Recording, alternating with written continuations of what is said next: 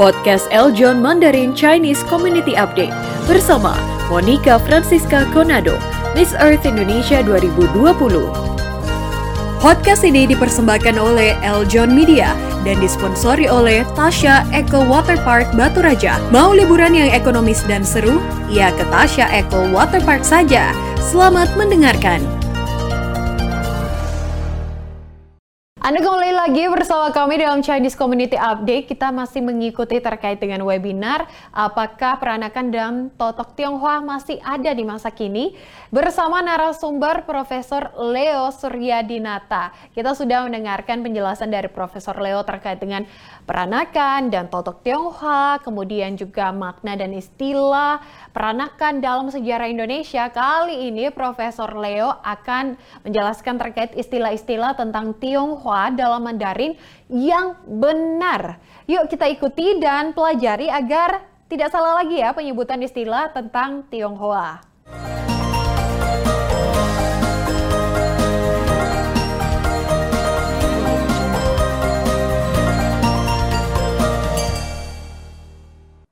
Nah, saya ini kan membicarakan tentang istilah-istilah. Yang tadi itu sin iming.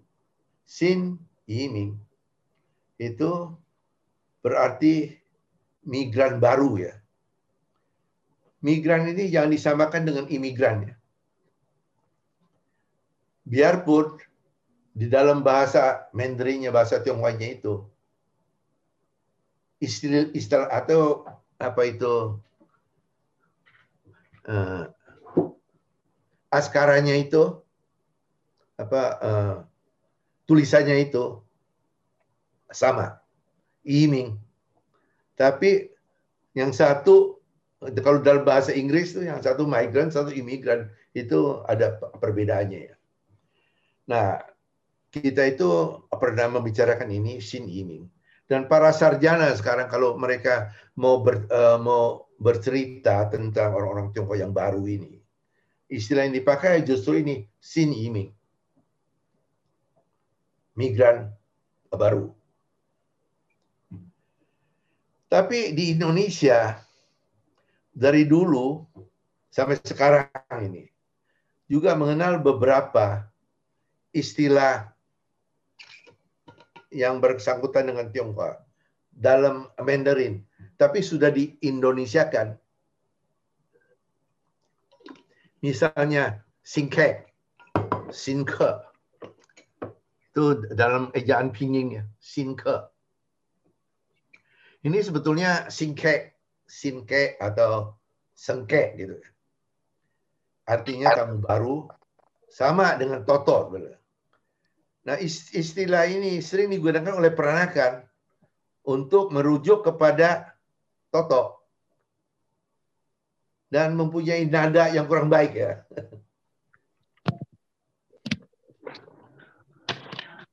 Jadi kalau dulu Toto Toto sendiri tidak mau menganggap dirinya sebagai singke.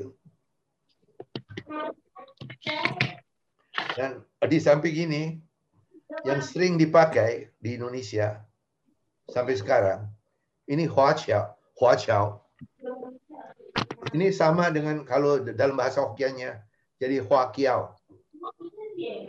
Uh, orang Indonesia membujikannya huaciao.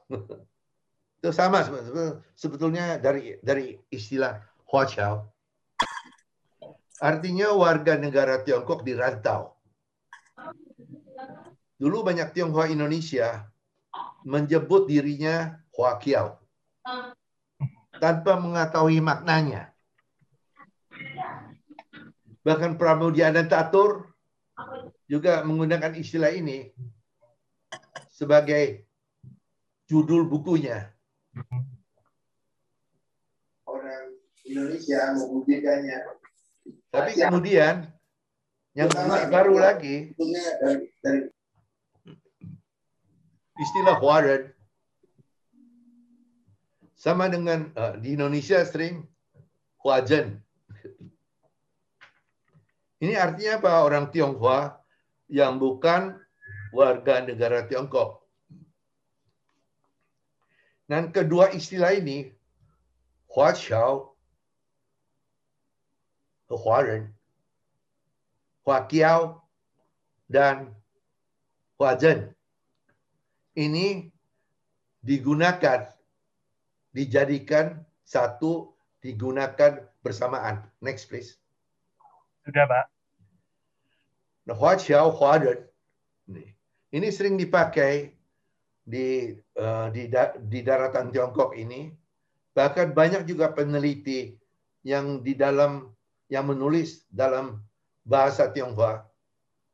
Bahkan satu jurnal yang terkemuka di Tiongkok ini mem memberi namanya Hua Qiao Hua Ren 历史研究 jadi penelitian sejarah Hua Qiao dan Hua Ren. Mengapa Jadi, ini membingungkan gitu ya Pak Leo? Istilah ini membingungkan ya.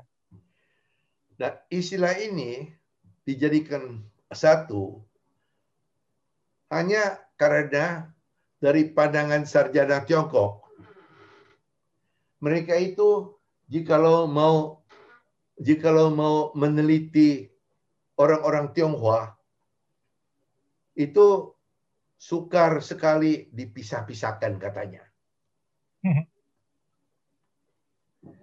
Jadi mereka itu eh, kalau meneliti Tionghoa itu juga kadang-kadang jikalau meneliti orang Huadan itu juga kadang-kadang mesti meneliti Tionghoa. Nah, bagi saya ini juga ya uh, mungkin di dalam dari sudut akademis ya mungkin juga bisa dipertahankan ya.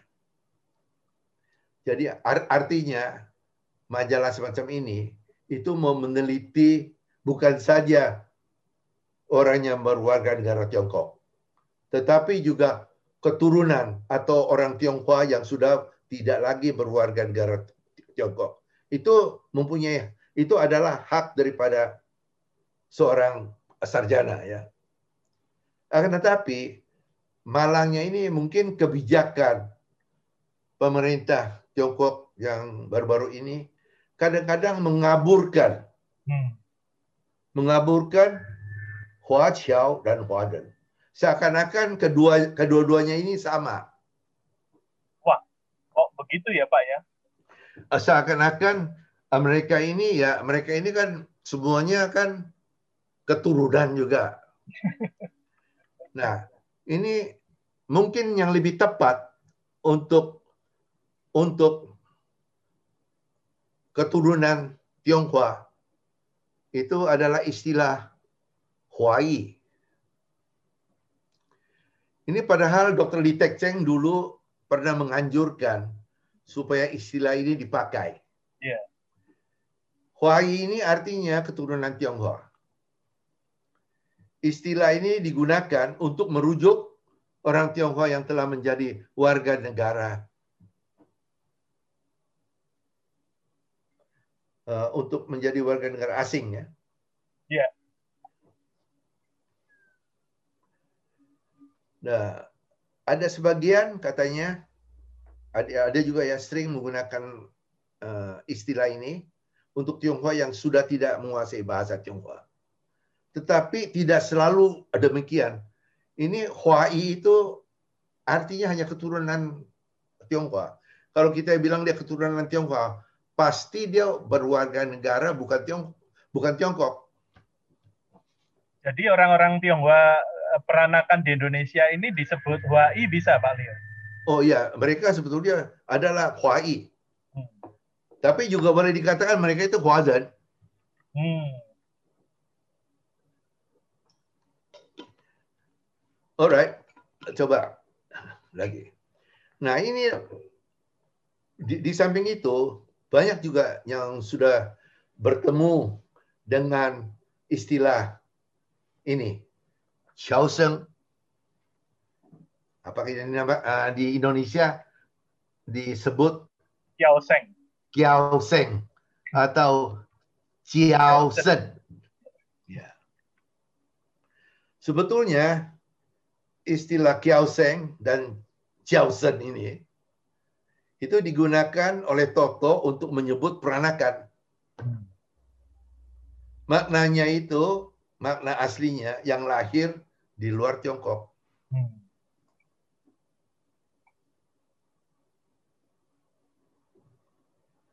Dan ini sebenarnya dulu tidak disukai oleh peranakan. Kiao Seng ini, Pak. Kiao Seng ini. Ya. Uh, tidak atau karena dianggap kalau yang Toto itu menyebut Xiao Seng ini artinya ini udah nggak murni lagi nih. Al Lebih ya, banyak lagi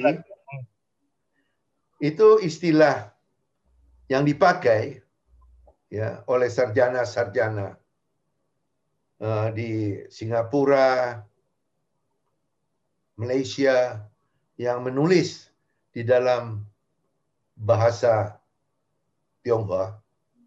Mereka itu menggunakan istilah ini, Tu Sheng Huaren istilah ini mungkin lebih tepat dari yang jika kalau merujuk kepada peranakan. Artinya, arti aslinya adalah Tionghoa yang dilahirkan di kawasan Nusantara. Biarpun sebut, eh, biarpun sebetulnya istilah aslinya itu tidak ada menyebut Nusantara. Tapi arti, sebetulnya itu hanya yang dilahirkan lokal. Hmm. Tapi umumnya diterjemahkan sebagai Tionghoa yang dilahirkan di kawasan Nusantara. Yang terakhir ya, ini Cunggoran. Sama dengan, nah di kalau di Indonesia spellingnya begini, Zheng. Nah, artinya sebetulnya adalah orang negara Tiongkok atau warga Tiongkok.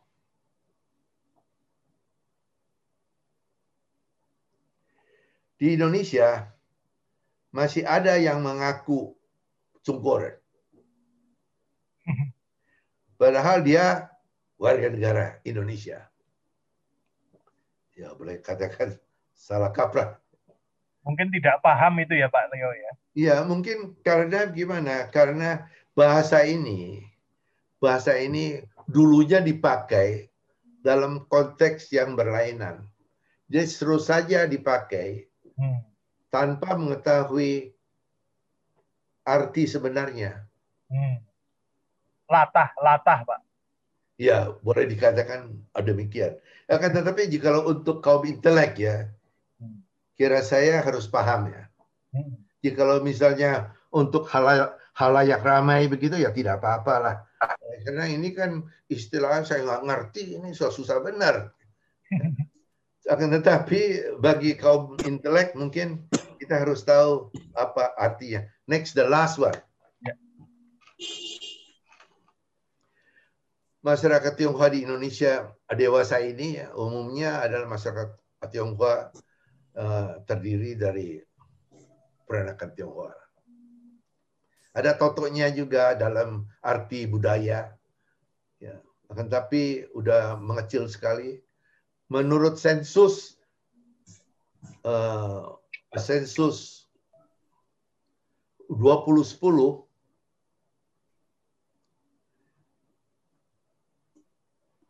di antara orang Tionghoa di Indonesia ada 24 persen menggunakan menggunakan bahasa dialek Tionghoa atau Mandarin di rumah.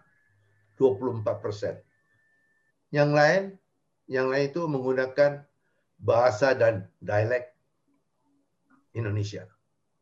Jadi sebetulnya peranakan Tionghoa itu yang lebih Indonesia daripada pribumi. Karena bahasa yang utama itu adalah bahasa Indonesia. Jadi apakah kini masih ada perbedaan antara peranakan dan Tiongkok Totok uh, di Indonesia? Sebagaimana saya sudah menjelaskannya, ya itu tetap ada perbedaannya. Tapi bagi saya ini definisi terkini mengenai peranakan bagi saya adalah orang Tionghoa yang dilahirkan, dilahirkan di Indonesia, dilahirkan dan dibesarkan di Indonesia, berbahasa Indonesia sehari-hari, berwarga negara Indonesia. Nah, nah itu uh, apa? Hmm, itu Pak. Ya, um, kebudayaan itu sudah merupakan kebudayaan campuran begitulah. Nah, itulah peranakan. Kalau yang Toto itu adalah yang masih uh, berkebudayaan Tionghoa, uh, yang lahir di Tiongkok, berkebudayaan Tionghoa, bahasa sehari-harinya itu tetap tetap apa tetap uh, Tionghoa. Nah, ada satu pertanyaan. Jika kalau begitu, apakah peranakan itu kalau dia sekarang udah belajar lagi bahasa Tiongkok? Karena kan sekarang Tiongkok udah bangkit. Ya. Jika kalau tidak bisa berbahasa Tiongkok itu kan merugikan. Iya, eh, peranakan Tiongkok itu ada juga yang bisa berbahasa Tiongkok begitu. Tapi bahasa Tiongkok itu selalu menjadi bahasa kedua.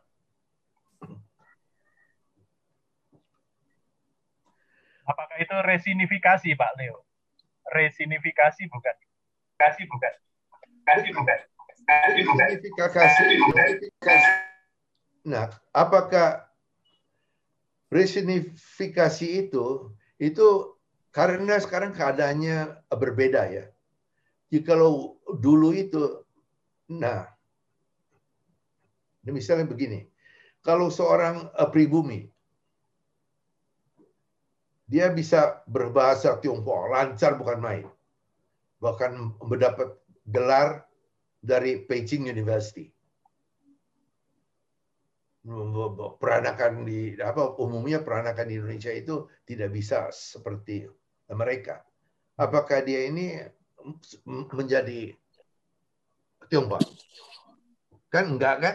Dia ya. tetap kalau dia Batak ya Batak tetap dia orang Jawa Jawa Nah ini jadinya sekarang ya semacam apa ini cara pola berpikir ini kita harus berubah sedikit lah.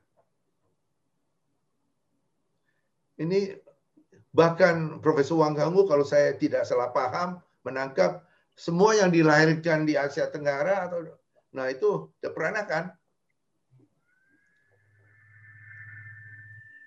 Nah pertanyaan, go peranakan Tionghoa.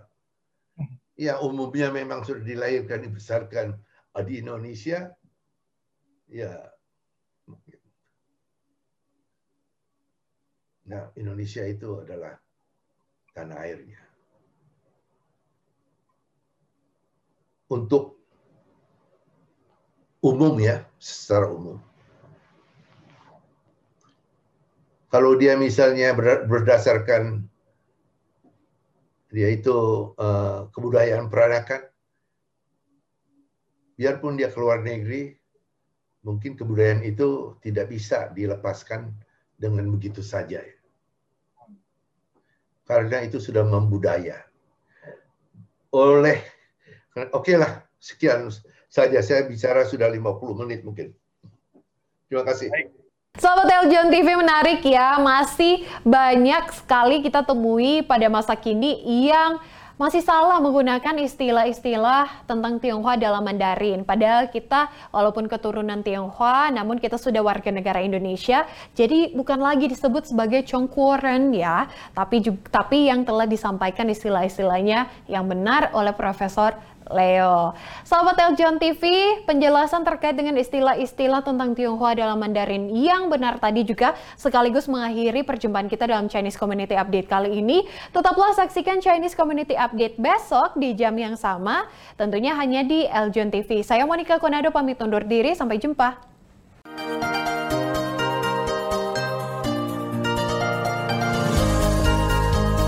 Terima kasih telah mendengarkan podcast Eljon Mandarin Chinese Community Update. Persembahan dari Eljon Media dan disponsori oleh Tasha Eco Waterpark Batu Raja. Mau liburan yang ekonomis dan seru?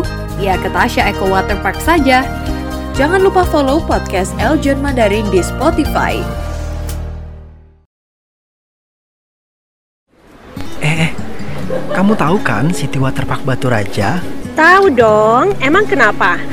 City Waterpark Batu Raja sekarang udah ganti nama jadi Tasya Eco Waterpark Batu Raja. Makin keren-keren loh spot foto dan area kolam renangnya. Wah, keren banget. Jadi penasaran? Kalau penasaran, langsung aja datang ke sana sekalian bawa teman-teman kamu dan juga keluarga kamu biar makin seru. Ayo, siapa takut? Pengumuman, pengumuman. Untuk masyarakat Kota Batu Raja dan sekitarnya, City Waterpark Batu Raja kini berganti nama menjadi Tasya Eco Waterpark Batu Raja. Fasilitas dan arena bermain, dua kolam renang besar dengan wahana bermain ember tumpah raksasa, perosotan anak-anak dan kolam renang anak-anak yang luas dan nyaman. Ada spot foto yang instagramable, area kolam yang luas dan bersih, serta lahan parkir yang nyaman dan gratis. Penasaran? Datang dan ajak orang-orang spesial kamu ke Tasya Eco Waterpark Batu Raja, Jalan Garuda Lintas Sumatera, samping Gor Batu Raja, Ogan Komering Ulu. Mau liburan yang ekonomis dan seru? Ya ke Tasya Eco Waterpark saja.